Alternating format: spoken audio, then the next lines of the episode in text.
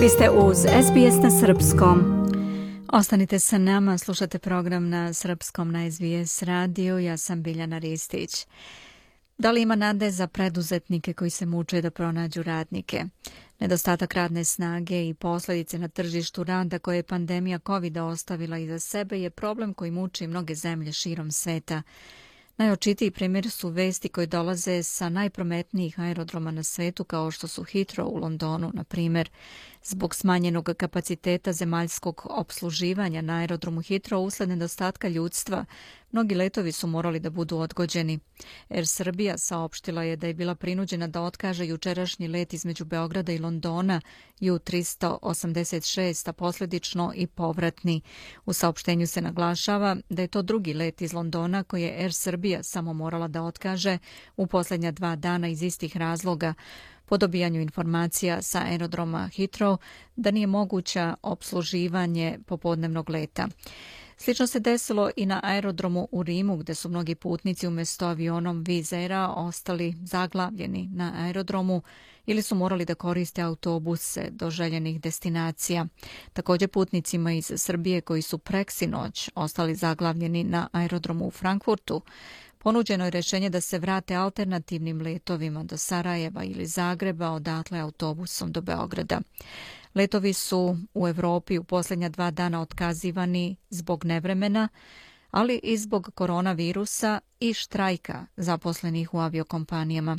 Naime, novi talas infekcija koronavirusom zahvatio je Austrijsku nacionalnu aviokompaniju AJA, koja je samo u subotu morala da otkaže 52 od 360 planiranih letova.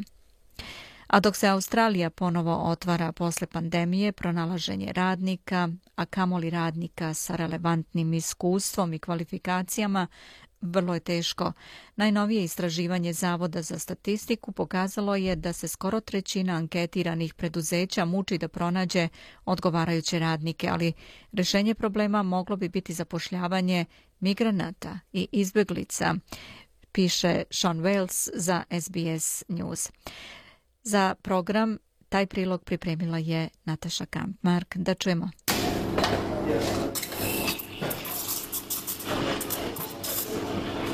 Iako su se gosti vratili u kafić koji drži Daniel Dick, jedan bitan sastojak i dalje je teško naći.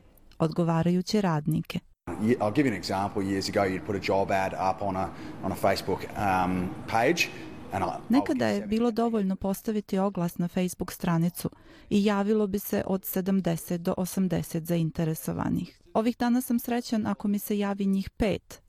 Izgleda da je jako malo kvalifikovane radne snage, bilo da se radi o kuvarima ili o baristima. Nema ih kao ranije. Danielov biznis nije usamljen slučaj, već ista tendencija postoji i kod drugih poslodavaca koji izlaze iz pandemije. Novi podaci Zavoda za statistiku pokazuju da 31 od 100 preduzetnika ima poteškoće u pronalaženju odgovarajuće radne snage. U teškoj situaciji se nalazi dve trećine krupnih preduzetnika i 62% preduzeća srednje veličine. Dok je 29% malih preduzetnika reklo da nemaju sreće sa pronalaskom radnika, upravo njihovo poslovanje je najviše pogođeno. Andrew McKellar je izvršni direktor Australijske trgovinske i industrijske komore. It is uh, one of the most difficult situations they've faced in nearly 50 years. So we have to go back uh, Ovo je jedna od najtežih situacija u kojoj su se našli u posljednjih 50 godina. Slična situacija je bila sredinom 70. godina prošlog veka, a rezultati našeg istraživanja pokazuju da se problem u posljednja tri meseca pogoršao, a ne popravio ali ima onih koji kažu da postoji neiskorišćen potencijal radne snage kojim bi se mogla popuniti upražnjena radna mesta. Novo istraživanje na Univerzitetu Flinders pokazuje da se naročito nedovoljno koristi potencijal žena i izbeglica – Ana Zirš je vanredni profesor sa Univerziteta Flinders. Women from refugee backgrounds had substantially lower rates of employment from uh, compared to refugee men. Stopa zaposlenosti žena izbeglica znatno je niža od stope zaposlenosti muškaraca izbeglica, a niža je i od opšte stope nezaposlenosti. One također najčešće rade na niže kvalifikovanim, manje plaćenim i nesigurnijim poslovima.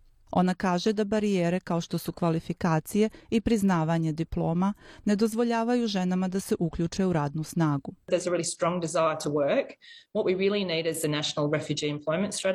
Postoji velika želja za zaposlenjem. Treba nam strategija za zapošljavanje izbeglica koja će se primenjivati na nacionalnom nivou i određivati u kojoj državi postoji nedostatak kvalifikovanih radnika i shodno tome obezbediti njihov dolazak. Organizacija koja u Australiji pomaže novopridošlim migrantima da nađu smisleno zaposlenje zove se AIMS, Adult Multicultural Education Services. A evo što kaže Lori Novel iz AIMS-a. Migrants and refugees could be a real solution to this. Um, they come to Australia with significant um, skills, uh, experience and talent. Migranti i izbeglice bi mogle biti pravo rešenje za ovaj problem. Oni dolaze u Australiju sa raznim umećima, iskustvom i talentom. Pružite priliku migrantima i izbeglicama, jer ćete se uveriti koliko su verni i požrtvovani radnici koji žele da to prinesu i uzvrate zajednici. Možda već postoji rešenje za preduzeća koja žele da popune neko upražnjeno radno mesto. Želite da čujete još priča poput ove? Slušajte nas na Apple Podcast, Google Podcast, Spotify ili odakle god slušate podcast.